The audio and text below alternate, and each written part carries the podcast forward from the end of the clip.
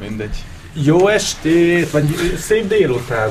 Élő adásban vagyunk. Sziasztok. És Sziasztok. gyülekezzetek, gyülekezzetek, hallgató társak, hallgató testvérek, olvasó testvérek is vagytok olyannan, mert hogy ha jól emlékszünk, meg mi jól emlékszünk, de ha ti biztos olvasó, hallgató testvérek, társak, hát most a zarándokok, ugye ahonnan Samu messzi útra ment, de hogy mi is azért elindultunk közösen egy, egy még messzibb útra, mert mi az időben is helyet változtattunk. Mi az az 1860-as évek Oroszországába utaztunk a Karamazov testvérekkel, viszont Samu ugye ott van Amerikában, lehet, hogy ez a bosszunk, hogy mi meg Oroszországba mentünk, de hoztunk ide nektek egy régi jó barátot, Fülessel. Itt van velünk Asztri, köszönjük neki. Sziasztok, köszönöm, hogy itt lehetek, és hogy olvashatok veletek. Yeah, szia yeah. Asztri, szia yeah. Benedek. Igen. Szóval ez egy, ez egy óriási hír, én nagyon vártam ezt a műsort, és tulajdonképpen én nagyon izgulok, hogy mi lesz ebből, és hogy ez tulajdonképpen remélem senki se olvasta végig a Karamazov testvéreket, közületek sem, mert ugye most csak az első három könyvéről fogunk beszélni, az első részéről, Viszont mielőtt elkezdenénk és belemerülnénk a beszédbe, azért jó lenne egy, egy kis nyitány, hogy milyen is ez a, ez a mi könyvklubunk, amit most létrehozunk, közösen megteremtünk veletek hallgatók, és egy kicsit akkor a, a közös játékszabályokról beszélnénk. És, hogy, és én nagyon szeretnélek téged kérni hallgató, vagy titeket, olvasótársak, vagy amikor majd beértek minket, hogy bármikor telefonáljatok, de hogy mondjuk az aktuálisan érvényes részről, amikor beszélünk, szóljatok mert egy csomó mindenhez nem értünk tulajdonképpen. Én például nem értek az ortodox kereszténységhez. Abszolút. Az orosz történelemhez sem, de én igyekszem utána Az orosz irodalomhoz se értünk. Oroszul se tudunk. Teljesen laikus olvasók vagyunk. És ha te tudsz valamit, akkor nyugodtan hozd ide a közösbe. Ezt, ezt tényleg szeretnélek kérni. Amúgy a, a Samunak integetünk innen Budapestről oda Amerikába. Szia Samu! Ezt, ezt a, a, a, és hogy hogy fogjuk ezt csinálni? Úgy lesz ez, úgy fogjuk csinálni, most ugye első három könyvről fogunk beszélni, hát körülbelül egy órás a műsorunk, most 10 percet arról fogunk beszélni, hogy miről fogunk beszélni, meg hogyan fogunk beszélni, de utána 20 percenként fogunk váltani. Azonnal van is egy telefonáló. Remélem a Cabán. Hello! Halló. Halló, halló. Halló, nagyon érdekes, nagyon érdekes a műsor, halló. Csak lemaradtam az elejéről, hogy miről szól a műsor. Most a, kar- most a testvéreket értettem, Karamazov, együtt olvasunk veletek? Így, hát nem együtt olvasunk, hát ez egy olvasóklub ha, lesz. Olvasóklub lesz, és most az első De mi három... hallgatók mit csináljunk? Hát olvassátok velünk a könyvet, és hogyha... Veletes, jó.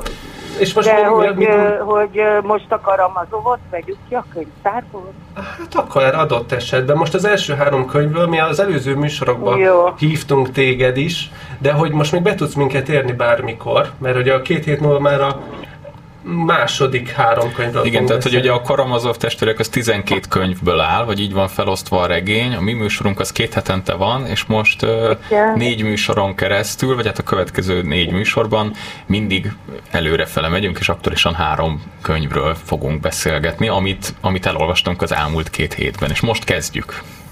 És akik már régebben véletlenül olvasták... Hát akkor is nyugodtan hat... szóljanak hozzá bármikor, hogyha emlékszel. Na, tehát azok is játszhatnak, akik véletlenül olvasták. Persze. Na, sőt, sőt.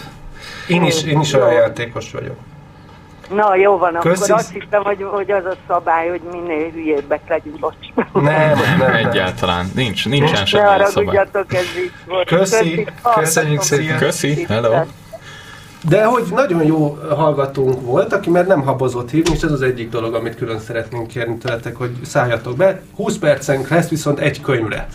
Ez egy, ez egy szigorú szabály, és itt uh, Asztrik lesz az én leszek az időbiztos. Időbiztos, ő fog ordítani, hogy váltanunk Or, Ordítani, kell. nem tudom, így igyekszem nem ordítani, de valahogy finoman, amikor már úgy látom, hogy két-három percünk van a váltásig, addig elkezdem facilitálni, hogy menjünk tovább. Mennünk kell tovább. Most ez a játékszabály, hogy tovább kell menni. És az a szerencsénk, nagyon szerencsés ez a műsor most, mert hogy van egy főtámogató szponzorunk. Végre. Nagyon jó. Én nagyon szerencsés vagyok, vagy nagyon-nagyon nagyon hálás vagyok, hogy megkerestek minket ők a Polifónia ZRT, és ők külön kikötötték, ők atyai áldásukat adták erre a műsorra, hogy, hogy itt minden hang számít. Ezt nem tudom, hogy ez, ez ők mire gondoltak, ilyen irodalom elméleti fogalomnak tűnik most így első elnézésre, de hogy, hogy valahogy azt kéri tőlünk, hogy a regényben arra figyeljünk, hogy, hogy ott valami nagy világképek összecsapásai vannak, és hogy ezek szólamszerűen zeneileg működnek. Én nem tudom, hogy ezt miért mondták, én nagyon hálás voltam. Hát ahogy elkezdtük olvasni a regényt, szerintem lehet, hogy valami sejtésünk már van, hogy miért, mi, mi köze ennek a regénynek a polifónikussághoz, de majd meglátjuk. De köszönjük neki. Uh, és akkor menjünk a következő körünkre, ami még az, az egy ilyen ha már itt vagyunk zarándokokként, hogy mi miért indultunk neki ennek az útnak, és miért hívunk téged hallgató, hogy ebbe szállj bele. Szóval miért pont a Karamazov testvérek? Hát, hogy ki, hogy viszonyul? Azt hiszem, az, az, nem, hát az én ötletem volt, hogy ezt olvassuk el, vagy hát én dobtam be abba a közös könyv batériába, amit aztán kisorsoltunk, és akkor ez nyert. Én nekem ö, eredetileg, vagy hát én ebbe a könyvlistába, amiket el szeretnénk olvasni. Én olyan könyveket raktam, amiket nagyon-nagyon el szeretnénk olvasni, de már nagyon régóta alogatom, és azt gondoltam, hogy itt a műsorban, hogyha kiválasztjuk, akkor itt most majd végre lesz rajtam egy ilyen nyomás, hogy, hogy elolvassam ezt a könyvet. Ugyanilyen voltam ugye az öregség is, amin ugyanígy, ugyanígy ültünk itt össze. De az csak a legnagyobb rajongóink is. Meg. De csak, csak, csak a legnagyobb rajongóink. És, és, és ja, szóval nekem, nekem valahogy a Karamazov az mindig így ott, ott lebegett háttérben, mint ilyen hatalmas, gigantikus, nagy irodalmi óriás, és valahogy valahogy meg így Dostoyevsky személye is mindig ott lebeg, mint valamilyen nagy-nagy-nagy-nagy óriás, és hogy, és hogy ilyen nagyon jó érzés volt mindig várni arra, hogy na majd egyszer el fogom olvasni ezt a könyvet, de hogy, de hogy még nem vagyok rajta túl. És ez, ez szerintem úgy nagyon jó, várni jó dolgokra. És most meg viszont, most meg viszont valahogyan eljött, és akkor most elkezdtem olvasni, és most úgy ízlelgetem, hogy hogy, hogy, hogy is vagyok vele. Akkor a füleső hegymászó társakat keresett. Teljes mértékben. Te, teljes, teljes mértékben. Tehát a, a motivációm az, az alapvetően egy ilyen uh, iszonyú nagy kíváncsiság. Én eddig a bűn és bűnhődést olvastam uh, Dostoyevsky-től, ami nekem nagyon-nagyon tetszett és, és azt gondolom, mivel azt mondja, szóval, hogy elég komoly referenciái vannak ennek a könyvnek, mit tudom én, a, Freud azt mondta, hogy ez a valaha írt legnagyobb regény, vagy nem tudom, a könyv borítóján ott van még, hogy a Hesse is áradozik róla, meg stb. stb. Szóval egy ilyen elég komoly ilyen elit társaság ajánlja nagyon-nagyon erősen ezt a könyvet, és így egy kicsit Szóval, hogy úgy nehezen... Te is része akarsz lenni annak a társaságnak. Hát a, igen, tehát hogy ja, valójában úgy nehezen, azt hiszem, hogyha nagyon mélyen így a lelkemben nézik, akkor úgy még, még nem olvastam el, de már úgy azt gondolom, hogy na, ez nekem majd biztosan tetszeni fog. Szóval a kíváncsiságom fölött van egy ilyen nagyon vastag sznobéria réteg. De te tudsz róla bármit? Semmit, én teljesen, te, teljesen laikus olvasó vagyok, úgyhogy igen, aki betelefonál, kérlek ne spoilerez, hogyha már esetleg előrébb jutottál, mint mi. Én csak az első három könyvet olvastam eddig, és a következő alkalomra is csak a következő hármat fogom majd elolvasni. Asztrik, te hogy vagy ezzel? Hát ugye a Füles dobta be ezt a közösbe, de amikor így kihúztuk, vagy így kisorsoltuk, hogy akkor legyen ez a következő könyv, én nem ágáltam ellene egyáltalán, sőt, ami kifejezetten támogattam ezt. Uh, Dostoyevsky-től én már több mindent is olvastam, szóval bűn és bűnődést, a félkegyelműt, a feljegyzések a halottak házából, szóval én többet olvastam, és így, de így, uh, tehát, hogy én úgy olvasom ezeket a könyveket, hogy azért így át szaladok rajtuk. Tehát, hogy elolvasom, nem tudom, lefekvésre olvasok egyet, vagy napközben, a nyaraláshoz, ilyesmi, de hogy így nem megyek így a mélyére ezeknek a könyveknek, szóval én nem tárgyalom ki. És ezért egy kicsit így, ez, ez, ez az, ami engem bemozgatott, hogy izgalmas lehet egy könyvet így úgy elolvasni, hogy össze beszélünk is róla. Uh-huh. Én is nagyon hasonló motivációkkal vagyok, mert nekem vannak személyes, szakmai, meg ezzel a műsorral is szeretnék valamit, és nagyon hasonló, mint amit a amit te mondasz, Asztrik, hogy milyen jó lenne egy ilyen igazán jót beszélgetni könyvekről, élvezetesen, szellemesen, és adott esetben úgy, hogy hát az közelebb hozni, hozna másokat ehhez a könyvhöz. Szóval én, bennem van egy ilyen magam felé egy ilyen nagy elvárás, amit az arról szól nekem ez a négy műsor, hogy feladjak, hogy, hogy hát ne készüljek túl, és hogy én, én most már három, most elkezdtem harmadjára olvasni a, ezt az első három könyvet. Én egyszer végigolvastam különben a Karamazovot, én jártam egy ilyen órára, de hogy én semminek, én nem vagyok a tekintélye.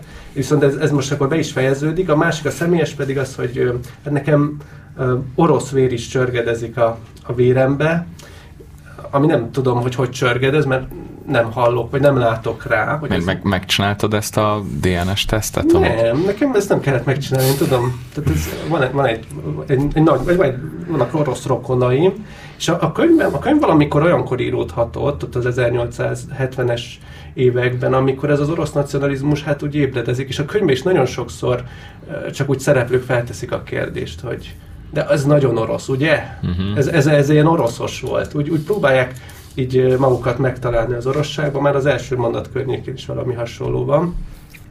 Úgyhogy, hát igen, kapcsolódni az orosságomhoz, kapcsolódni hozzátok, olvasok, és kapcsolódni egy 150 éves könyvhöz. Ezek az én De hogy akkor neked van valami minimális orosz identitásod, amit Nem. most így öntözgetsz azzal, hogy Nincs. ezt a könyvet olvasod? Felfedezem a könyvben. Felfedezem a könyvben. Mm. Na, akkor kezdődik az első 20 perc, úgy, mert már a Igen, mert finoman jelzett, ja, az azt nyugodtan kiabálj, úgyhogy, Igen, úgyhogy olvasó, szedd elő a könyvedet, most az első, első... Erre én is előveszem. Na. És amúgy előz, előre is elnézést kérünk a, a mesére váróktól, mert hogy most 10 perccel tovább fogunk menni. Erre számítsatok. Igen. Oké. Okay. Hát, Na, akkor, akkor kezdjük, de akkor, ö, vagy akkor még nem az első könyv, hanem csak egy pár mondatban a bevezetésről mondunk valamit? Nekem az az, a, ott a motto, ugye? Most ezt a mottót én nem akarom külön elemezni, de hogy, hogy uh, itt egy bibliai motto van, hogy bizony-bizony mondom néktek, ha a földbe esett gabonamag el nem hal, csak egy maga marad, ha pedig elhal, sok gyümölcsöt terem. Ugye ez itt uh, húsvéthoz közeledvén uh-huh. hallgató, ezt uh, biztosan érted, hogy itt a, a megváltó a saját feltámadását is jövendőli, de valahol a csodákról, a csodákat hívja elő ez a motto. És hogy uh, azért, azért ez egy vallásos regény is. Keményen. Keményen vallásos, ez már behúzhat ide dolgokat, de utána meglep minket a, a könyv a következő bevezetőjével, ami kifejezetten, hogy mondjam, leépíti ezt a pátoszt, és azt mondja, hogy, hogy tulajdonképpen ez a könyv akár be is csukhatnád, mert ez egy nagyon unalmas könyv lesz, így, le, így minden pátoszt leépít, nem tudom, hogy ott... ott uh... Kifejezetten fölösleges, ugye ezt, ezt, ezt mondja, hogy kifejezetten fölösleges ez az egész könyv, amit így, ami, amiről szó lesz, tehát hogy a következő ezer oldal az végül fölösleges. Hát meg, hogy a főhős az egy teljesen átlagos figura, és hogy miért, ké, miért lenne szükség ilyen hatalmas regényeket írni egy teljesen átlagos figuráról, de hogy mondjuk az író leírja benne, hogy ő szerinte nem egy teljesen átlagos mm-hmm. figura, de hogy az olvasók javarésze majd azt fogja gondolni, hogy egy teljesen átlagos ember, és reméli az író, hogy majd páran egyetértenek vele abban, hogy mégiscsak a főszereplő, akit most akár nevén is nevezhetünk, Alexei Fyodorovics. Hát most akkor nevezzük Ajosának. Én, Ajosa, én, én, okay. úgy hívom, meg a, hogy a, ez a Bece neve, hogy Legyünk Ajosa. következetesek, akkor ne használjunk mindig más nevet, ugye ez összezavaró lehet, de ugye az orosz regényekben ez azért engem is gyakran összezavar. Ja, én is jegyzetelgettem. Én ide írtam a belső borítójára az ilyen kis családfát, hogy tudjam, hogy ki kicsoda. Ja. ja. Szóval Jajosáról szól ez. Ki ez az Ajosa? Mit tudunk meg róla? Itt még, itt még tulajdonképpen semmit. Hogy milyen átlagos és figyelemre méltatlan ember talán. De hogy ez, na mindegy, tehát hogy ez egy nagyon-nagyon barátságos bevezető. Nekem nagyon meghozta a kedvemet az Igen, de, de, de, nem csak az, az, ő azt is mondja itt a legelején, hogyha, hogyha nem tetszik, akkor javasolja nekünk, hogy az első fejezet után nyugodtan csukjuk be a könyvet. Tehát ad, ad nekünk egy gondolkodást, és ez annyiban érdekes, most egy ilyen megvilágító kontextust idehozok, aminek utána hmm. néztem, hogy ez a könyv ez úgy, úgy, úgy jelent meg, hogy ilyen folytatásokat adták ki.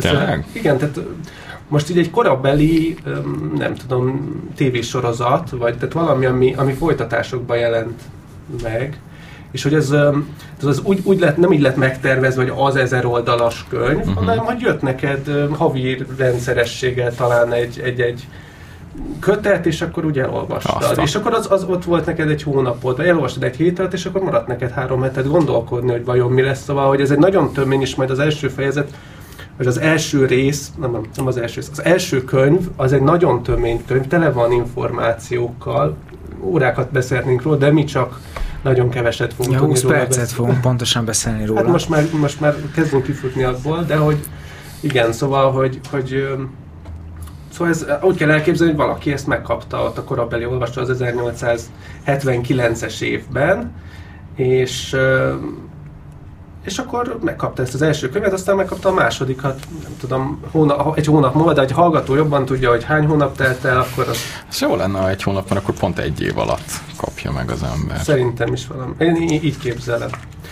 Na, és, és akkor utána indulhatott egy diskurzus róla, amit mi itt most csinálunk, mi most binge watchingolunk bizonyos szempontból, tehát itt most itt tömény három, három adagot nyomunk le egybe, de hogy az a korabeli olvasó az megkapta, elolvasta, aztán megbeszélte a verővel. Egy hónapig is várhatta a folytatást.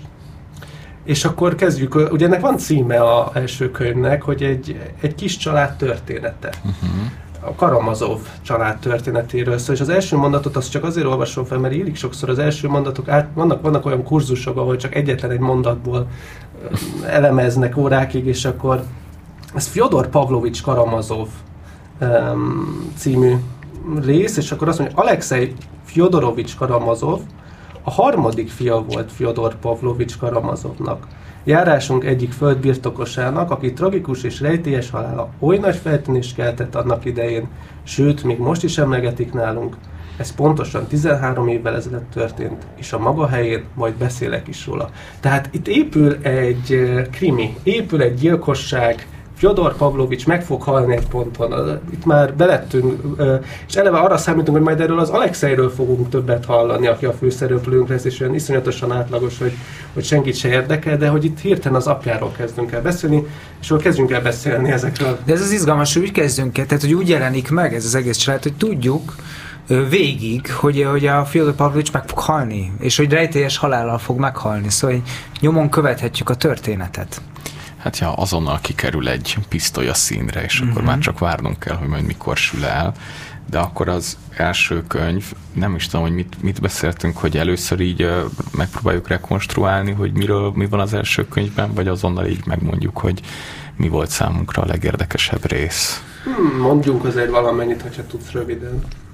Hát itt tulajdonképpen, amit már, amit már mondtál, hogy egy ilyen kőkemény információ dömping ö, leírja ezt a családfát, és szép sorban végigmegy azzal, hogy végigmegy azon, hogy a Fyodor Pavlovicsnak, aki a apuka, neki született három gyereke, és így a születésének a körülményeit, vagy a születések körülményeit, meg a gyerekek gyerekkorát írja le benne. Tehát tulajdonképpen ez, a, ez, a, ez, ez, ez így az expozíció, és aztán odáig fut ki az egész, hogy sok-sok-sok-sok év után mind a három gyerek egyszerre egy időben ugyanabban a városkában él, ahol él amúgy az elbeszélő is, meg ahol él a Fyodor Pavlovics, és akkor innen indul a történet, majd a második.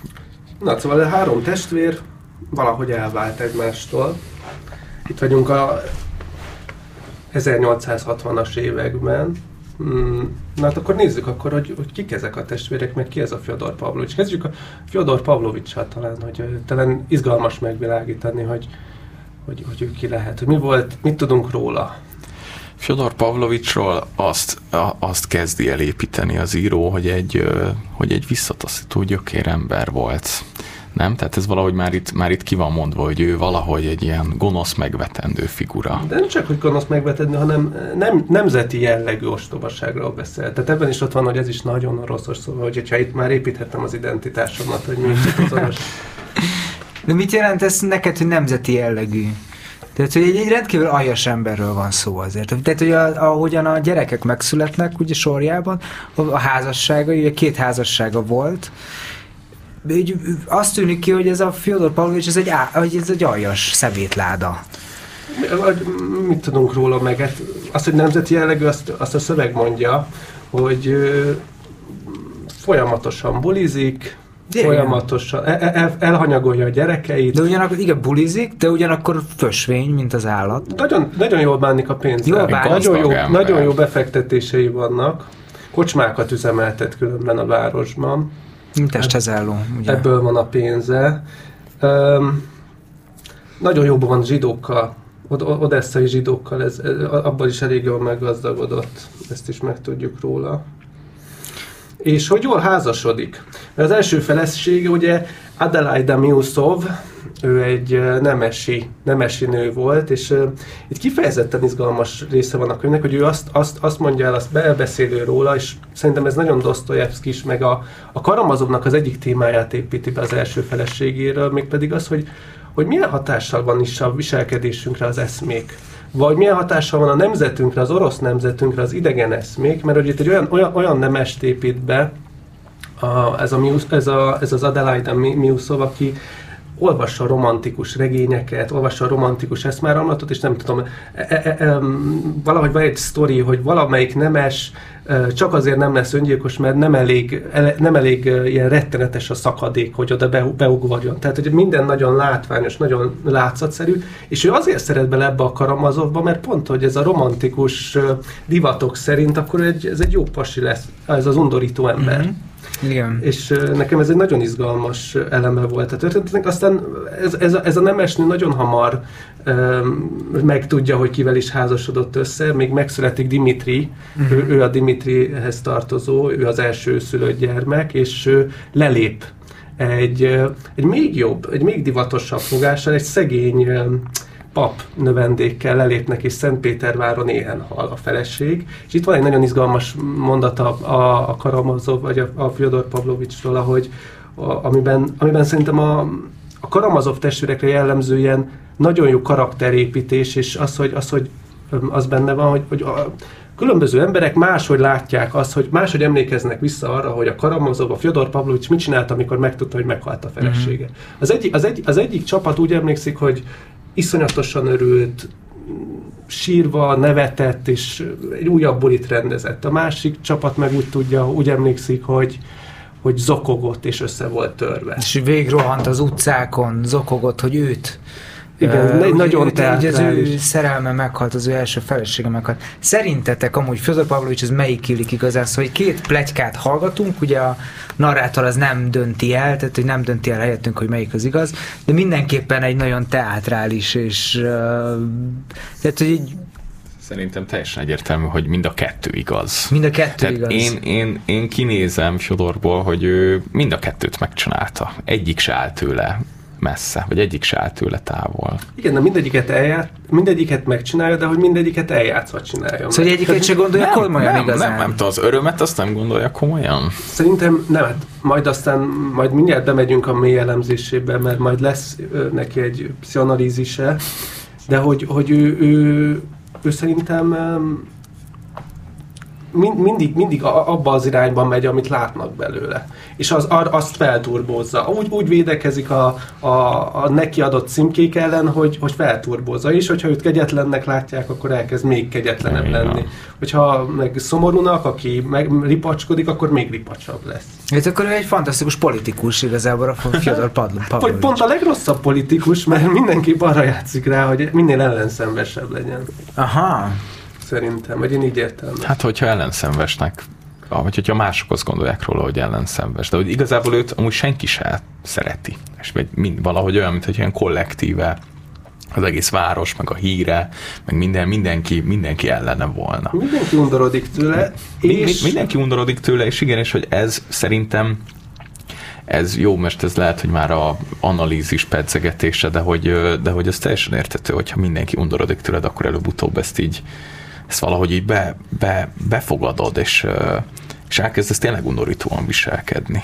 igen, viszont ez nem ment fel a valódi undorítóságtól, mert hogy utána, amikor elkezdődik a gyász folyamata, akkor egy nagy particsa, Orgiát csak, igen. é, vagy ebbe azért, és fokozatosan megfeledkezik, hogy neki van gyereke. Totál. Totálisan, és uh, talán mm, arról is megfelelkezik, hogy volt feleséges, aztán nem, nem, ez még nem az a feleség, akit nem őt temettete, de ez az egy másik felesége lesz, de hogy, hogy Hát itt van neki Dimitri fia, és egy fokozat, egy ideig a szolgálója neveli. Egy évig, azt hiszem valahogy így, és akkor Dimitri rokonokon keresztül, tehát hogy az anya, anyági, anyági rokonok És megjelenik egy Miuszov ide, ide jön egy Miuszov, a, egy Miuszov, egy nemes figura, aki egy helyi, helyi um, nemes. Tehát ugye az anyjának a rokona. Egy any, anyai rokonságból, aki nagyon felvilágosult orosz liberális, ott volt 1848-ban a Párizsi kommunnél, szóval egy igazán, igazi progresszív figura, hát aki lehet, mindenféle emberbaráti szeretet is van benne, és akkor ezért fel, fel, fel karolja ezt a kisrácot, ideig tanítgatja, aztán rájön, hogy sokkal izgalmasabb külföldön, és akkor ő is lemond uh-huh. Dimitrivről, és akkor ő adja tovább a, a rokonságon belül valakinek, és akkor Dimitri végül katonaságon köt ki, viszont időnként az irogat az apukájának, valahogy kapcsolatban maradnak vele, ez, egy, ez, ez még rejtélyes, mert hogy én nem biztos, hogy ha Dimitri lennék, akkor irogatnék a, az első Hát de hogyha gondolod, hogy annak a tudatában vagy, hogy rád komoly örökség vár anyád révén, akkor azért lehet, hogy irogatnál. Na igen, és ő pont így irogat. hoppá, egy, egy, egy Na, kedves telefon. De jó. De gyorsan! Halló! Halló, sziasztok! Én vagyok, elkesen hallgatom meg, így posztolgatok a Facebookra, és én azt hittem, hogy, hogy felolvastok majd, tehát írtam fél órával ezelőtt, hogy 20 perc felolvasás jön, de nagyon érdekes, hogy elmesélitek valójában a magatok szavaival azt, hogy nektek mit jelentenek ezek a szereplők? Igen, klassz, Igen. érdekes. Hát egy, egy kis zenét nem lehetne azért kérni? Ah, nagyon, most nem lesz zene, de majd egy... Nem lesz? Most nem lesz zene, akkor jó, majd 40 perc. De Facebookon aggódni. majd osztunk meg zenét. Akkor nem kell aggódni, hogy muszáj a valány perc után zenét adni, de bocs, akkor oké, okay, persze, mondjátok. Köszi. Na, köszi, akkor folytatjuk. Igen, az fontos hangsúlyozni, ez nem egy felolvasós könyv, ez nem egy könyvolvasás, hanem beszélgettünk a könyvről, és még nagyon az elején vagyunk, sőt most azt, mm-hmm. hogy jeleztél, hogy, hogy megyünk ki. Hát a... igen, igen, most már uh, ugye lassan rá kell fordulnunk igazából a második könyvre, de úgy, hogy még az első könyvet, tehát hogy ezt akkor gyorsan... Akkor gyorsan uh, folytassuk, hogy a, menjünk a többi gyerekhez, hogy ők megszületnek. Igen. Jó, hát szóval a, a Dimitri úgy tudja, hogy a, nagyon sok pénz vár rá, és folyamatosan kéreget a apától pénzeket, és, és ezért fokozatosan kitör egy közöttük egy konfliktus, ami miatt Hát mert hogy, hogy a, fiú úgy tudja, hogy neki még van pénz, az apja meg azt mondja, hogy tehát már az összes örökségedet kiadtam Sőt. neked. Mert, Sőt, már te tartozol tartozol nekem. Igen. És ezen, ezen, ezen Dimitri felháborodik. És ezért megy vissza és a ez... városba, hogy rendezze ezt az ügyét az apjával, nem? Hmm, ezt nem tudom pontosan, de hogy ezért is van itt a városban. Mm-hmm. De hogy azért itt, mert hogy közben neki vannak nőgyei, amiről majd később beszélünk. Jó. És akkor valahogy, akkor így, így érkezett Dimitri vissza, apával való vitában, és akkor valamikor egy ponton apa és fia kitalálja, valamit kitalálnak, hogy egy kolostorba mennek mediációra. Igen. Vagy ott van egy nagy szerzetes, aki, aki majd tud ebben segíteni, de hogy erről majd később folytassuk a többi testvérrel. Van a, ugye egy má, aztán miután meghal az első feleség, uh, hogy is ismeri meg a második felesége? 16 éves, második felesége, akit Sofia Ivanovnának. Hát külföldre megy üzleti, üzleti, üzleti tárgyalásra, és akkor megtetszik neki egy, egy szép lány, aki tényleg tetszik neki. Tényleg tetszik neki, de valahogy, valahogy nagyon ilyen sportból akarja elcsábítani, nem? Vagy valahogy ilyen... Tehát valahogy az első, tehát mert az első feleségét is sportból csábítja. Tehát, hát hogy, ott, hogy... ott szerintem a, a vagyonát szeretted meg. A az is benne van, de hogy izé, ugye ennek a, a ennek a romantikának így alá is tesz, tehát hogy ez a, a Fyodor Pavlovics így szereti ezt, tehát hogy megszökteti ezt, így kiemeli, tehát hogy ez a kordivatjában az egy nagy dolog volt, hogy megszökteti. Hát az, az, az, az, az Adelaida volt, itt, itt, itt a Szófiával, igen, igen, igen. A Szófia Ivanovna, ő a, ő a második feleség. Ő nem volt gazdag. Ő, itt egy szegényebb. Szóval itt a Szófia Ivanovának volt talán ő menekült volna a Karamazovhoz, hát ha lesz valami jobb dolga talán mm-hmm. ott a szegénységbe és akkor neki születik két gyereke, Iván és Aljósa, tehát megérkeztünk a főszereplőhöz, Aljósához. Iván az idősebb, hát Itt viszont fontos, hogy itt felírtam magamnak egy ilyet, hogy, hogy amiről szeretnék beszélni, nem tudom, hogy, ti, hogy, hogy Ajósa emléke. Hogy ez, ez a, a Szofia, Szofia Ivanovna egy nagyon fontos szereplő lesz, abban a szempontból, hogy ő valahogy egy, egy nagyon um, érzékeny nő. Aha. Nem tudom, hogy ti mire emlékeztek, de hogy a, a, azt tudjuk róla, hogy nagyon vallásos volt. És megérkezik a könyvbe a vallás, amit felépítettünk az elején, és ő, ő imádkozik ő folyamatosan a szent képekhez, az ikonokhoz imádkozik. És van az aljósának, ha bár nem ismeri, mert, mert ő is hamar meghal, uh-huh. meg az egy epilepsziás nő volt, uh-huh. vagy törősnek van leírva, ez, ez nekem... Hát vagy legalábbis Fyodor állandóan így igen, említi ez egy, a feleségét. Ez, most hisztériát jelent, vagy csak hogy próbálom... De hát a tünetekből, amiket ugye leír, Dostoyevsky az egyértelmű valamilyen epileptikus roham. Epileptikus. És az Ajosának van egy szép emléke erről a nőről, vagyis ő szépnek tart, hogy ott van egy ilyen, egy ilyen, egy ilyen világos szobában, egy, egy mécses, épp naplemente no. van, ilyen narancsárga fények, és ott van egy mécses a szent képet, és az anyukája zokogva kérja a szent anya, az Isten szülőnek a, a áldását a kisfiára zokogva, és egyszer csak úgy, úgy elkezd valami roham beindulni, és bejönnek ilyen szolgálók, és kiveszik a kezéből. És erre az Ajosa úgy emlékszik vissza, mint egy nagyon szép emlék, de hogyha én ezt elmondom, hogy a, van másik emlék? Szerintem ez, Szerintem ez az egyetlen emléke az anyukájára, de hogy ő neki ez egy gyönyörű emlék, ami, ami, úgy, ami nagyon él benne és de hogy közben ez egy, azért ez egy nagyon kísérteties emlék, egy nagyon ambivalens emlék, szerintem nagyon két pólusú emlék, ott van a, mm. egyfelől annak a, annak a az emléke, hogy, hogy anyukám szeretett és a védelmemet kérte. És meg, meg ez a kép, amit mondta, ez nagyon hát, meleg színek, nem tudom, napsütés, és még a gyertyés szent kép. Igen, de közben meg ott van a ez a rettenet. Aha. Anyukám rosszul van, épp eltorzul az, a, vagy a, a szolgáló meg akar anyukámtól menteni engem. Uh-huh. És, de Ajossal mint pozitív emlék, emlékszik vissza, és végül őt magát, ő is elkerül a városból az Ivánnal együtt, mert meghal a feleség, róluk is elfeledkezik a Tényleg ők hova kerülnek? Moszkvába kerülnek egy tábornokhoz, de hogy, hogy, hogy, hogy ők, azt arra nem emlékszem most pontosan. Ők is így ilyen távoli rokonokból valahogy így kézről kézre járnak, meg ilyen bentlakásos suli van, Iván, ő tutira iskolába jár. Lassan sietnünk kell. Annyit akarok ebből csak elmondani, ami, és aztán kevésbé szerintem a, a cselekményt nem, foglaljuk össze, hanem az emlékeinket, hogy hogy Ajosa ennek az emléknek a hatására jön vissza. Ajosa egy ilyen szent, szent fiú lehet, mindenki imádja, nem, nem olyan nagyon okos, de okos. És, de ő egy igaz, tehát hogy ő a szeretetteljes ember. Mindenki szeret, és visszajönnek És a... ő is mindenkit szeret, tehát hogy ő, egy, ő az egyetlen, aki a Fyodor Pavlovicsot szereti. Vagy legalábbis nem utálja. Ja. De az, de az biztos, hogy ő azért érkezik vissza, mert ez az anya meg akarja keresni az anyukájának a sírját. Igen. És megkérdezi az apukáját, hogy hol a sír. És fogalmas.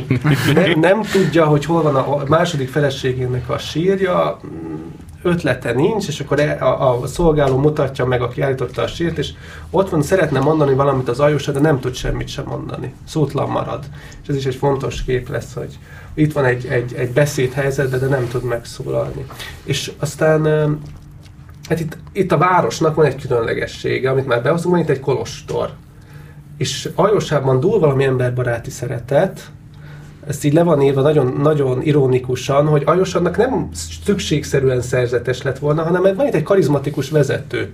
Egy, nem is vezető, egy furcsa szerzed, de erről beszéltek ti, mert Starec. A starecek, igen. Starec. Szóval a starecséget Dostoyevsky az úgy írja le, nem tudom, nem néztem utána, hogy ez mennyire volt valószínű, tehát hogy mennyire volt valóságos, szerintem az volt. Valóságos. Uh, tehát, hogy egy olyan uh, vallási tisztség ez, aki, aki egy, egy ilyen vallási előjáró, és így konkrétan, hogyha valaki, a, nem tudom, hogy hogyan kerül a starechez valaki, nem mindegy, szóval, hogy a starecnek az a tisztség, hogy eldöntsön mindent az ember életében felette. Tehát, hogy a szerzetesek, akik oda kerülnek, fiatal szerzetesek, azért nézek rátok, hogy nyugodtan javítsatok. Én, én, én azt, tudom, azt tudom hozzátenni, hogy a starecnek az a, úgy működik, amit feltétlen engedelmesség. Feltétlen a, engedelmesség. A szerzetesek, Igen. akik alárendeltek, de hogy ez azt jelenti, hogy ez egy ilyen vezeklés, vagy egy formája annak, hogy ők meg a fényesség felé jussanak, hogy engedelmeskednek ennek a nagyszernek. És egyfelől ezért egy nagyon furcsa szokás, mert úgy, úgy van megírva azt a rettség, hogy valami, ami idegen az orosságtól, mert nagyon veszélyes is lehet, mert hogyha egy, egy, egy nem tudom, le, lehet nagyon rosszra használni. Biztosan meg is történt ez, de de igen, szóval, hogy, hogy végtelenül vissza is lehet ezzel élni, a sztarecséggel, mert akkor ugye, aki alattad van, ez nem mondhat ellent. Hát és nyilván emiatt nem válhat bárki sztarecé, és a sztarecek ők egy ilyen nagyon megbecsült mm. tagjai ennek az egész hierarchiának. Sőt, a Kolostorban, vagy az egész városban van egy ilyen, itt most ez a Starec Zosimának hívják a helyi. Mm. És hogy, hogy, hogy így van egy ilyen vár, várakozás, egy nagyon öreg, beteges ö, szerzetes, de még nagyon bölcs, tehát a spirituálisan még itt a helyén van, és azt majd látni fogjuk később, hogy miket csinál. Ha beszélgettünk róla, mert mostantól inkább beszélgessünk az összefoglalásról. Igen, igen, igen, igen. De hogy az biztos, hogy, hogy így várakozik a, a szerzetesen és a város, hogy majd, ha meghal, akkor olyan csoda fog itt történni, hát akkor majd, akkor majd jönnek ide a turisták, fellendül a gazdaság, a helyi gazdaság, mert nálunk ért a, az Ossimas Tarec, aki egy zseniális ember.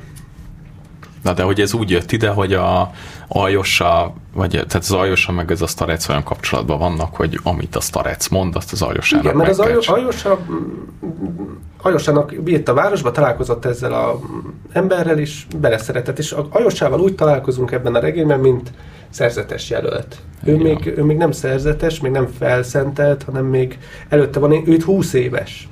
Mm. A, a, amit nem hangsúlyozok is, az, hogy ez a regény öt nap alatt játszódik, és ez az első, ez az első három első könyv, nap. ez az első napról szólt. Ez volt az Na, de még, de még Ivánról muszáj valamit mondanom. Na, mondjuk Ivánról. Iván, hát ugye Iván a Aljosa idősebbik testvére, én arra... arra hát ő is a, hát a középső gyerek. Hát a középső, igen. És, és amire én emlékszem, hogy ő meg ilyen hogy ő ilyen, ilyen intellektuel lesz, vagy újságíró, vagy író lesz. Ő hivatalosan természetrajzot tanul egyetemen. Uh-huh. Az a nagy különbség köztük Hajosa és Iván között, hogy a Hajosa elfogadja a szeretetet és a támogatást, elfogadja a helyzetét, hogy, hogy ő ingyen kenyéren ér, vagy, és a Iván meg ezt nem tudja elfogadni. Ő nagyon hamar megsejti, hogy ő csak valaki örökbe fogadta, az örökbe mm-hmm. fogadta is, hogy ezért ő elutasító ezzel, és ő maga, nagyon hamar kilép a, és magát akarja eltartani, és újság, újságírásból tartja el magát, igen. Meg tanításból. Hát és Iván ő kőkemény ateista, a hajosa pedig, mint nyilván szerzetes. Tehát eddig három, három fiúról hívó. beszéltünk, ugye két anyától, mindegyik tök más, hogy izé viszonyul ez az egészhez. Ivánról azért még egy kicsit beszéljünk, mert azért egy nagyon, szerintem egy központi karakter ebben a történetben, és azért három mondattal ne rendezzük le, hogy intellektuális. Bocsánat, én vagyok az, idő, az idő, én vagyok az időmérő. Tudom, srác. tudom. Na, de te, Valami... te mit szeretsz Ivánba?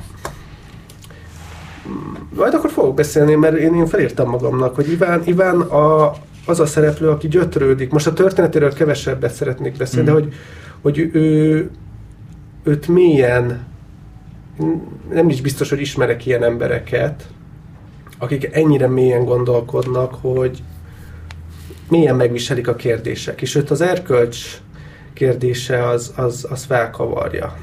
De ez érdekes dolog, hogy mondjuk a Ajosra az viszonyítva, Ajosat nem.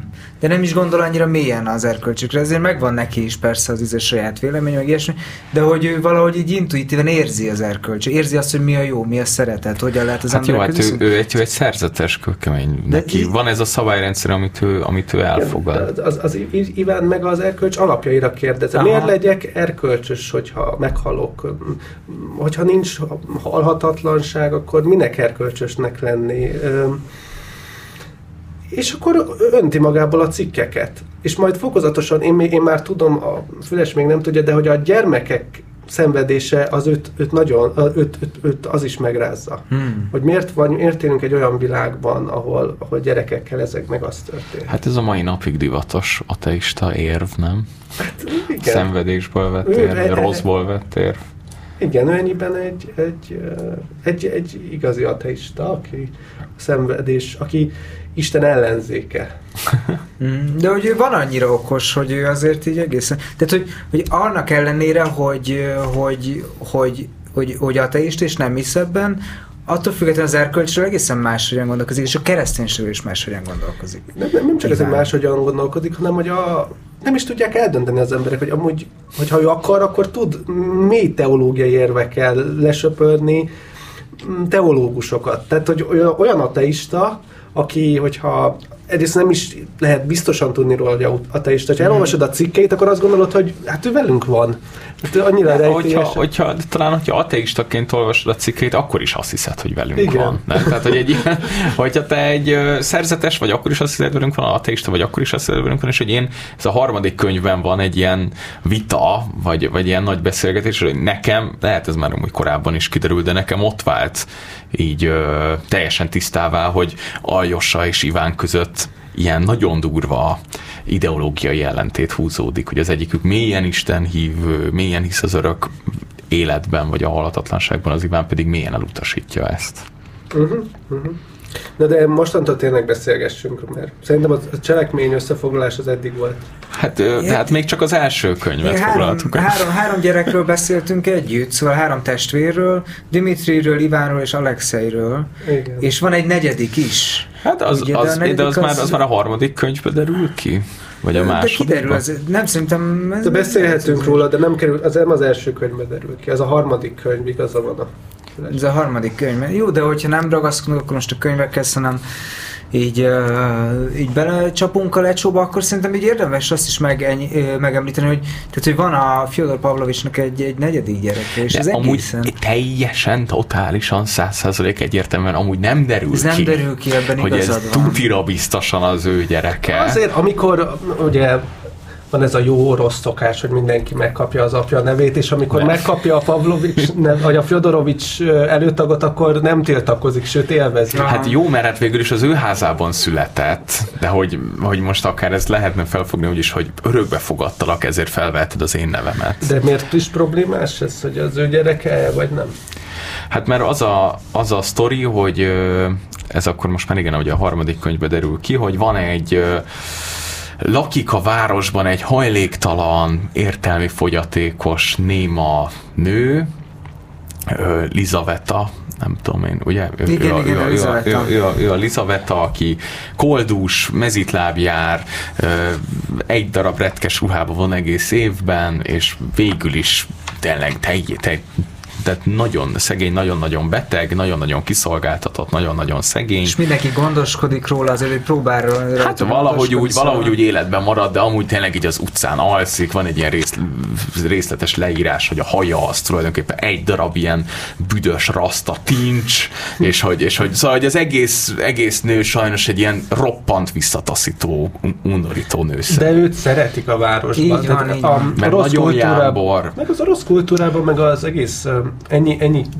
Dostoyevsky kontextus megengedhetünk, hogy a szent bolondok, azok a Dostoyevsky történetekben központi szerepük van, és itt a, a Lizavetta egy ilyen, egy, egy ilyen szent bolond, aki lehet, hogy áldott, és minden pénzt, amit megkap, azonnal odaad valaki másnak, és hmm. a, a falu számára egy ilyen kedves jelenség, mindenki próbálja támogatni.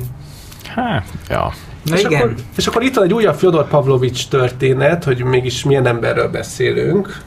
Igen. Hát, hogy történt egyszer, hogy egy ö, italozó, vagy egy be, megrészegült ilyen férfi társaságot így császkált, nem tudom, egyik kocsmából a másikba, és hát csak ott látták az útszélen aludni a Lizavetá, és megálltak, és elkezdtek róla beszélni, hogy mennyire undorító, nem is nevezhető, nem, hogy nőnek nem nevezhető, de hogy akár még így embernek sem nevezhető, és ebben a társaságban pont ott volt. Ne, hát az, ki, ki, ki tudna erre úgy tekinteni, mint egy nőre? Tehát egy ilyen hogy mondják ezt, amikor így, így elkezdenek licitálni az emberek, hogy ez mennyire undorító, és hogy senki se tudna vele lefeküdni.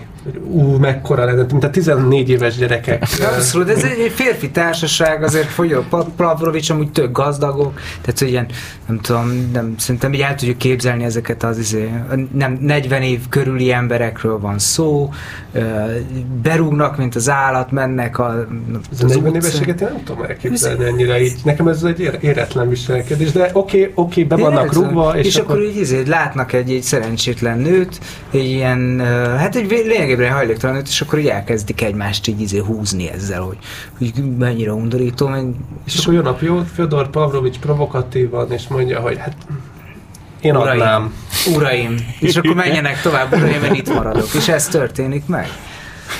Hát ja, valahogy, valahogy el, elkezdi bizonygatni, hogy ő, ő mindenkiben meg tudja látni a szépséget. Szóval valahogy emögé, vagy ezt így azzal próbálja megmagyarázni, hogy ő messze-messze túlmutató ilyen, nem tudom, Jó, mor- azért morális nem... érzékkel bír, hogy ő annyira érzékeny, hogy mindenkiben meglátja az embert, és mindenkiben meglátja a szépet. Én, én, én, én, én, én, én nem így látom ezt. Szerintem ő tényleg egy jó poént akart. Én nem hiszem, hogy, hogy, hogy ilyen uh, ideológok hát is Persze, persze, ez egy De ez hogy egy másnap azért azt mondja, hogy ő csak hazament. Ő hazament, de mert, ott, de, mert az van, hogy ott mindenki elment, és ő ott marad? Nem, szerintem nem. Én úgy emlékszem, hogy csak így elmentek aztán valahogy. De ezt visszament? Nem tudom. De, nem, de, de ez az, hogy az se, az, az, az se derül ki, hogy visszament, hanem csak ezután az eset után, mint én hat hónappal, a városiak azt látták, hogy Elizabeth a hasa az így megnőtt, vagy hogy, és vagy, hogy és azonnal indulnak a plegykák. Jézusom, ki lehetett? Ki az, és akkor persze volt ez a sztori, és akkor azonnal a Fyodor Pavlovicsra ahogy így mindenki így fogja a fejét, igen, hogy ú, Jézus. Igen, igen, igen. Messzire ment. Igen, tehát, hogy poént akart-e Fyodor Pavlovics, vagy nem? Tehát, hogy van-e ennyire aljas? Igen, de hogy, de hogy, de hogy az, a, az, az a fura, hogy ő ö, mindig mások előtt produkálja magát. Tehát, hogy, hogy valahogy van, van egy ilyen, hogy milyennek akar tűnni mások szemben, másokat akar cukkolni. Aha. És hogy itt ez, tehát, hogy ami miatt így most így lehetne védeni, hogy amúgy ez talán miért nem a Fyodor Pavlovics volt a tettes, az az, hogy, hogy ezt tehát hogy nem volt, nem volt senki szem, szemtanúja ennek. Uh-huh. Tehát, hogy en, en, ennek, ennek a tettnek így nem volt semmi olyan, tehát, hogy nem, nem, nem cukkolt, nem cseszett ki senkivel, vagy hogy akkor ezt, ezt ő miért, hát kicsi, mi, miért csinálta? a Lizával. Um, nem, nem, nem De tudom. Liza, a, a, a, ugye az az egyik bizonyíték, hogy talán ez megtörténhetett, hogy hogy ide mászik be a terhes a, a Igen, 9 hónappal később Fyodor Pavlovicshoz be, bemászik, vagy hát az udvarába, és akkor ott az egyik udvarban lévő, nem tudom mi, udvari konyhába, vagy istálóba, vagy fürdőházban, igen, fürdőházban megszüli, megszüli, megszüli a gyerekét, és aztán utána nem, nem sokkal később meghal, vagy ő tulajdonképpen belehal a, belehal a szülésbe. És a szolgáló um, Grigori neveli fel a feleségével, aki még szerencse éppen tud szoptatni, mert nemrég halt meg neki egy uh, gyermeke. Hmm. És a Grigori uh, annyiban egy izgalmas karakter, és szintén egy ilyen, hogyha a hallgató nem mondja, akkor én, én mondom, hogy az 1860-as évek, ezek igazán Oroszországban ilyen reform, reformkorszak, ekkor van itt a jobbágy felszabadítás, és például Grigori amikor jobbágy felszabadítás van, ők ő, ő felpofozza a feleségét, hogy nem megyünk sehova. Jó, nem, nem pofozza fel, nem szokta megvenni a feleségét, ez túlzás volt most itt. De hogy egyszer, egyszer, egyszer megverte, de nem emiatt van. Nem, más azért, mert úgy táncolt, mint a nemesek. Ja, igen, igen, igen, úgy táncolt, igen. mint a nemesek, és ez neki sok volt. És az a, a Grigori, ez a, hát, kinek, egy Stockholm szindróma? Tehát, hogy aki, aki annyira élve, vagy aki nem annyira interiorizálódott, vagy így beépült, hogy ő jobbágy, hogy, hogy hűséges szolgálója marad ennek a hát amúgy méltatlan embernek, mm. és uh, itt maradnak. És a feleségével születik egy gyerekük, de ő egy igazán vallásos, ő is egy újabb vallásos figura. Ő nevelte ideig a gyerekeket, és um, hát születik neki egy hatójú csecsemője. És az, arra emlékeztek, hogy mit mond, amikor megszületik a csecsemő, hogy ki van akadva z- Zavar van a természetben, vagy, vagy elromlott. Igen, igen, és, tényleg. Tehát ez neki szégyen, szégyen és örül, talán örül is, vagy megnyugszik. Amikor, Nem is akarja megkeresztelni.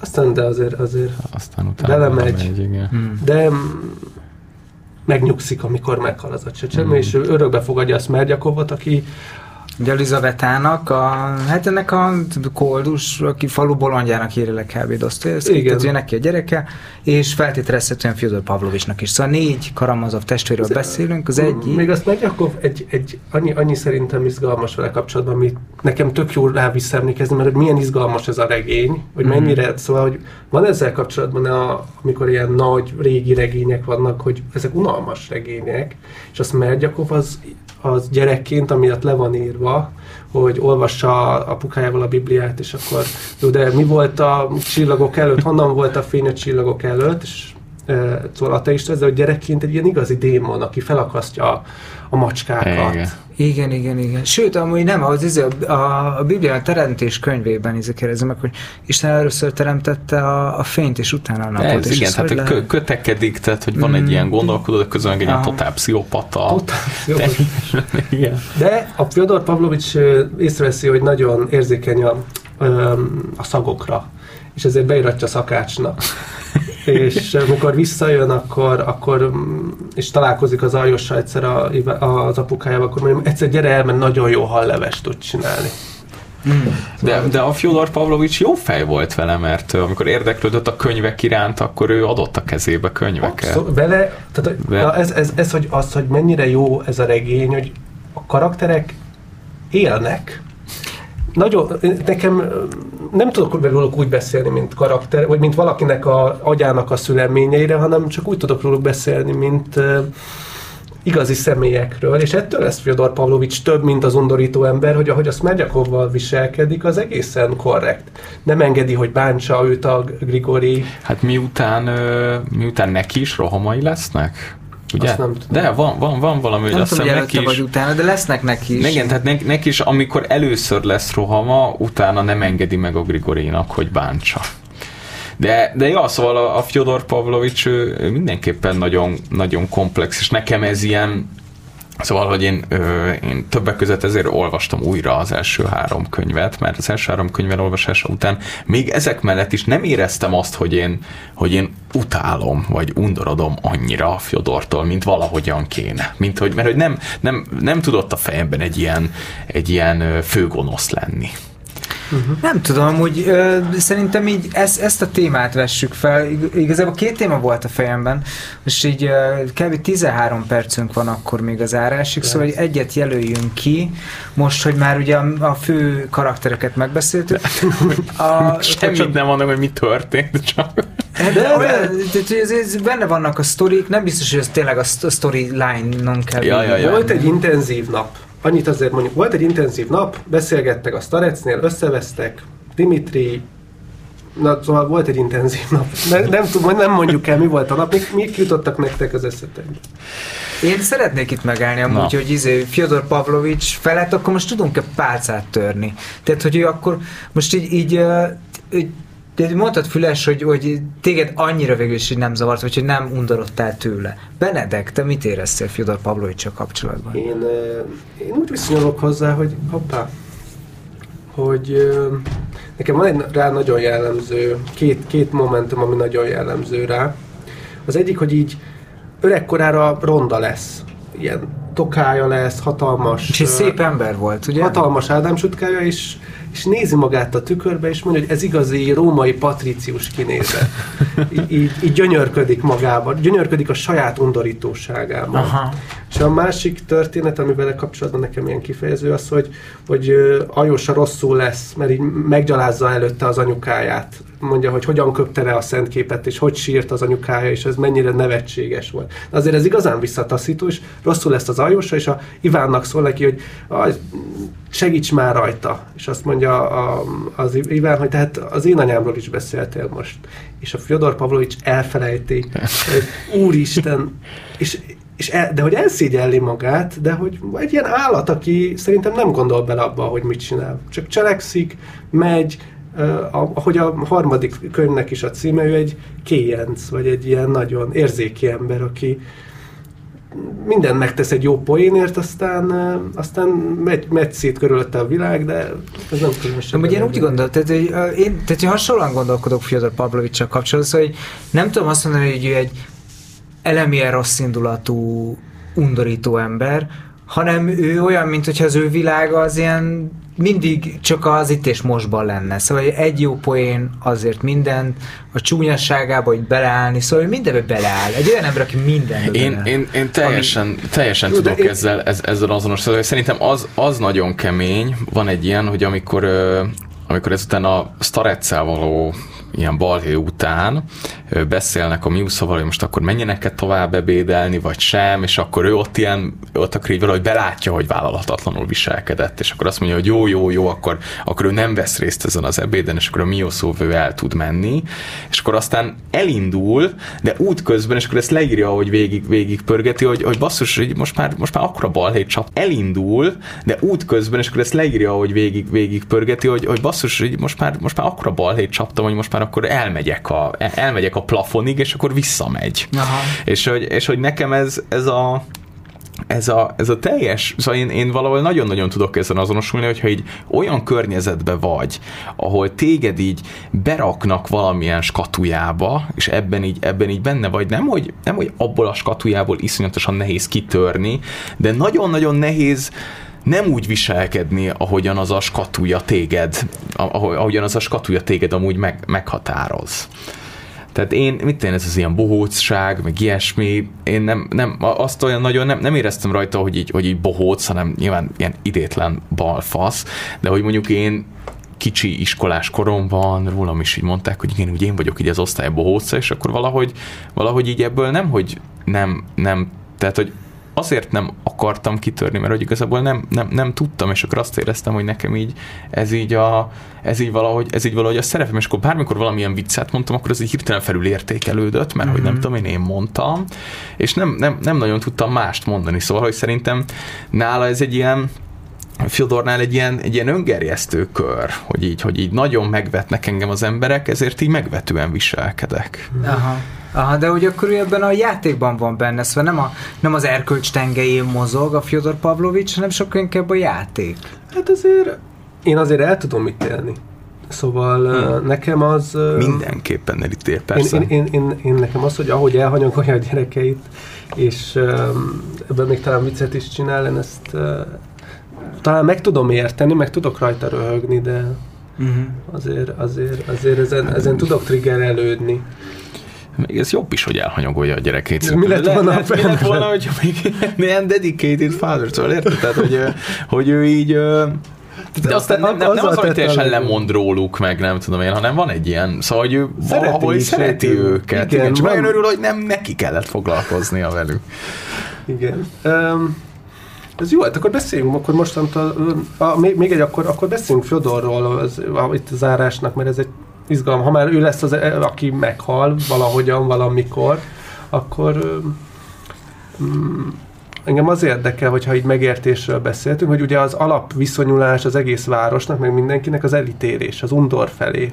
És itt van ez a mediációs helyzet, ugye a, a Stareccel, hogy ott tanácsot kérnek. Eleve ő is belemegy, hogy a Lajosra rettek, hogy, hogy ebből majd mi lesz. Ezt kedvelem, hogy így Hmm. Amikor elviszed a szüleidet valahova, meg a tesóidet, és itt tudod, hogy nagyon rossz lesz. Olyan de, hogy nagyon így... gáz lesz, hogy olyanokat fog mondani. Hát és tudja, hogy nagyon gáz, és ráadásul az élete legfontosabb emberéhez Igen, visz. oda, de, de, hogy valamiért belemegy, és a, hogy a, a Starec az egy abból a szempontból fontos, hogy van egy koncepció, amiről majd a következő adásban akkor mindenképp beszélünk, az a cselekvő szeretet Mm. Hogy azt mondja, van ott, oda jön hozzá egy kételkedő zarándok, aki mondja neki, hogy én amúgy nem hiszek Istenbe, és hogy az Isten csak a halálfélelmünknek a szüleménye, és hogy azt, hogy nem tudjuk megmagyarázni a világnak a misztériumot, hogyan, fog, hogyan tudok majd elkezdeni hinni. És azt mondja neki a starec, hogy hát a, az aktív cselek, cselek, az aktív szeretet lévén, a cselekvő szeretet révén fogsz majd bizonyságot kapni Istenről, és a, a starec ezt a aktív szeretetet, a cselekvő szeretetet testesíti meg, és ő pont mögé lát a, annak a, annak a Fyodor Pavlovicsnak, aki, aki folyamatosan öngerjesztő játékokba megy bele. Hát és provokálja őt is. És őt is provokálja, és ő azt mondja neki, hogy így átlát a szitán, tehát őt nem lehet megvezetni, és mondja, hogy te hazudsz, és legfőképpen magadnak hazudsz, és hogy hmm. legyél, próbálj őszinte lenni. És akkor a, amúgy a legjobbat mondja a Fyodor Pavlovics, a legjobb ellenállás, hogy fú, hogyha én megmutatnám az őszinte énemet, az még undorítóbb hmm. lenne, és de hogy, hogy ő mögé lát, azt hiszem a Fyodor Pavlovicsnak a szenvedésének, vagy hmm. valamit lát benne, ami szenved. Aha. De itt van a, azt hiszem a, a második könyvnek, vagy a harmadik könyvnek a végén egy ilyen rövid elemzés, vagy nem is elemzés, hanem a Fyodor Pavlovics magának mond, és ezeket kiangosítja Dostoyevsky, és még 6 percünk van, szóval én, mint időfelelős, így, így gyors leszek. Szóval, hogy amikor így, nem is tudom, hogy akkor megy ki először, de hogy így Fyodor Pavlovics egy ilyen monológot mond maga, maga felé. Pontosan így is érzem én, valahányszor emberek közé megyek, hogy alábbvaló vagyok mindenkinél, hogy engem mindenki bohócnak tart, erre aztán a rajta csak ugyan megjátszom a bohócot, mert ti egytől egyig mind aljasabbak és ostobábbak vagytok, mint én. És kedve támad, hogy mindenkit bosszút álljon a saját disznóságai miatt, és ilyen fantasztikus dolog, hogy ahogyan elmondja, hogy alávalóságot követel, és megmondom miért. Igaz, hogy semmit se vétett ellenem, de én elkövettem ellen egy alávaló nagy disznóságot, és mihelyt elkövettem, rögtön meggyűlöltem őt. Tehát racionalizálja folyamatosan a tetteit. Hát egy ilyen teljes ön, öngerjesztő kör ez, nem? Tehát, hogy így... Tehát, hogy kiszúrsz valaki, és meggyűlölt, hogy ilyen kiszúr. Így, hát ezt a, az emberek megaláztak. Ez kognitív diszonancia redukció, nem? Tehát, hogy most ez Na, ugyanúgy, hogy valakinek, ha te, a te szívességet teszel valakinek, akkor így uh, mérhetően egy picit elkezded jobban kedvelni. Aha. És ez ugyanez csak a másik oldalról, hogy valakivel kicseszel, akkor pedig hát jogos kell, hogy legyen a kicseszése. És hogy, és hogy szóval valahol a Fyodor is egy ilyen áldozat. De akkor ebben... ennek az örvényében él a hát Fyodor Nagyon durva. Igen. Igen, és hogy teljesen kialakultak benne ezek a sémák, ezek a sémák mindig így aktiválódnak, tehát neki egy, egy komoly, komoly, hosszú terápiás folyamatba kéne részt vennie, hogy... Ami például sose menne. Sose menne. De, de érezni, hogy szüksége van rá, és azt kifejezni. Na, hogy most már közeledünk a műsor végéhez, a hallgató, és egyrészt gyere majd velünk, hmm, szóval a következő alkalommal a a következő három Így van. könyvet fogjuk, ami, ami a második rész. Igen, de ez két könyv, a második rész, a negyedik és az ötödik könyv. Igen? Ajaj, akkor csak a negyedik és ötödik könyvet fogjuk elolvasni, nem? Nem, nem, a te köteted az úgy működik, hogy levágja. Az is három könyv. Levágja, akkor Igen. bocsánat, mert én ezt néztem csak. Jó, de hogy igazából szerintem jobb helyzetben leszünk legközelebb, mert most már így a... Tesókat ismerjük. Tesókat Igen, most ez már az, ismerjük. Ez nagyon száraz része azért a könyvnek, hogy karakterek, nevek. Mm, Jó. Rengeteg minden rengeteg dologról név nem, kimaradt. Rengeteg mindenről nem beszéltünk, de hát ezt kell elfogadnom. Nekem erről is szól ez a Aha. könyvklub, hogy elfogadni, hogy nem, nem tudunk mindenről beszélni. Viszont hallgató, nem beszéltünk most az ortodox kereszténységről, mert te nem telefonáltál. Pedig biztos ott vagy, és hallasz minket, és értesz hozzá. Igen, de hogy legközelebb, hogyha van valami, ami, amiben korrigálnál, hogy milyen volt az orosz társadalom az 1860-as években, akkor, akkor nyugodtan hoz, hoz be ezeket a kontextusokat nekünk. És hogy éreztétek most magatokat? Jól, én, a, én azt, azt érzem, hogy milyen jó lenne, hogyha ez nem egy óra lenne, hanem, hanem három és fél valahogy. De nekem általában minden, minden műsor után van egy kicsit ilyen, hogy pont, pont mire vége van mintha kezdenénk belejönni. Igen, igen, igen, igen. Én azt szeretném valahogy a következő műsorra valahogy megtalálni, hogy kevésbé összefoglaljuk a cselekményt. Igen, igen most ebbe belefutottunk. Ebbe, ebbe most, most bele, belefutottunk, hogy elkezdtük uh, rekonstruálni. Igen, de milyen lehetett ez annak, aki nem olvasta? Tehát, uh, ilyen, olyan, mintha meghallgatni. A, de.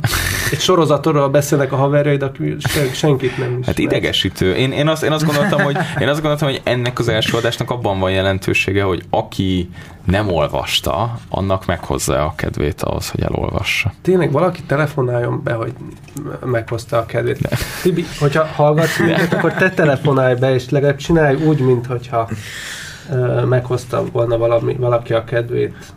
Eljátszhatod, Tibi, hogyha gondolod. Szerintem Nekem is meghozta a kedvem amúgy. Ó, oh, Lilinek meghozta. Lili a potméter, potméterek mögött. És köszi, hogy beugrottál, Lili. Na, biztos, akkor... biztos valaki el fogja valaki majd biztos. olvasni. Na gyere velünk, akkor ö, testvérünk. Ö, hogy, zarándoklunk. Hogy, zarándoklunk, folytatjuk a Karamazov testvér, amikben több zarándok is van, de hogy zárjuk le ezt? Itt a következő három könyvvel folytatjuk. Folytköv. Folytköv. Vala, azt te már tud, tudsz azért bizonyos dolgokat. Bizonyos oh, dolgokat telefonáló. Tudom. Telefonáló. Ez az. Halló. Szia. Halló. Sziasztok, lehet, hogy remélem, hogy nem csúszik az adás, csak ugye az irodalom kapcsán Nekem semmi kedvem nem lett felolvasni ezt a könyvet. Okés. Na, köszi, hogy megosztottad velünk. Ez is egy opció. Végtelen szomorú történet, és... Jaj, nehogy spoiler ez. Ne, ja nem, nem, nem, éppen tehát amiről ideig beszéltetek, az... Az, az, az már kiborított. Aha. Már, már gondolkoztam, hogy átrakok valami izét. De, de jó, Jaj, jó, nem, most mese jön. A, a, a műsorotok az jó, csak a sztori volt horror. Na, okay. Hát igen. Köszi, köszi. szépen, és teljesen igazad van, ez nem egy boldog Na, könyv. de végre, tehát ez tragikus. Végre valaki érzékeny, és el, el tudja tisztán ítélni ezt a mm. Fyodor Pavlovicsot. Így van. Na, jöhet a mese. Mese. Jöhet a mese. Mese. Találkozunk két hét múlva. Köszönjük, hogy itt voltatok. Sziasztok.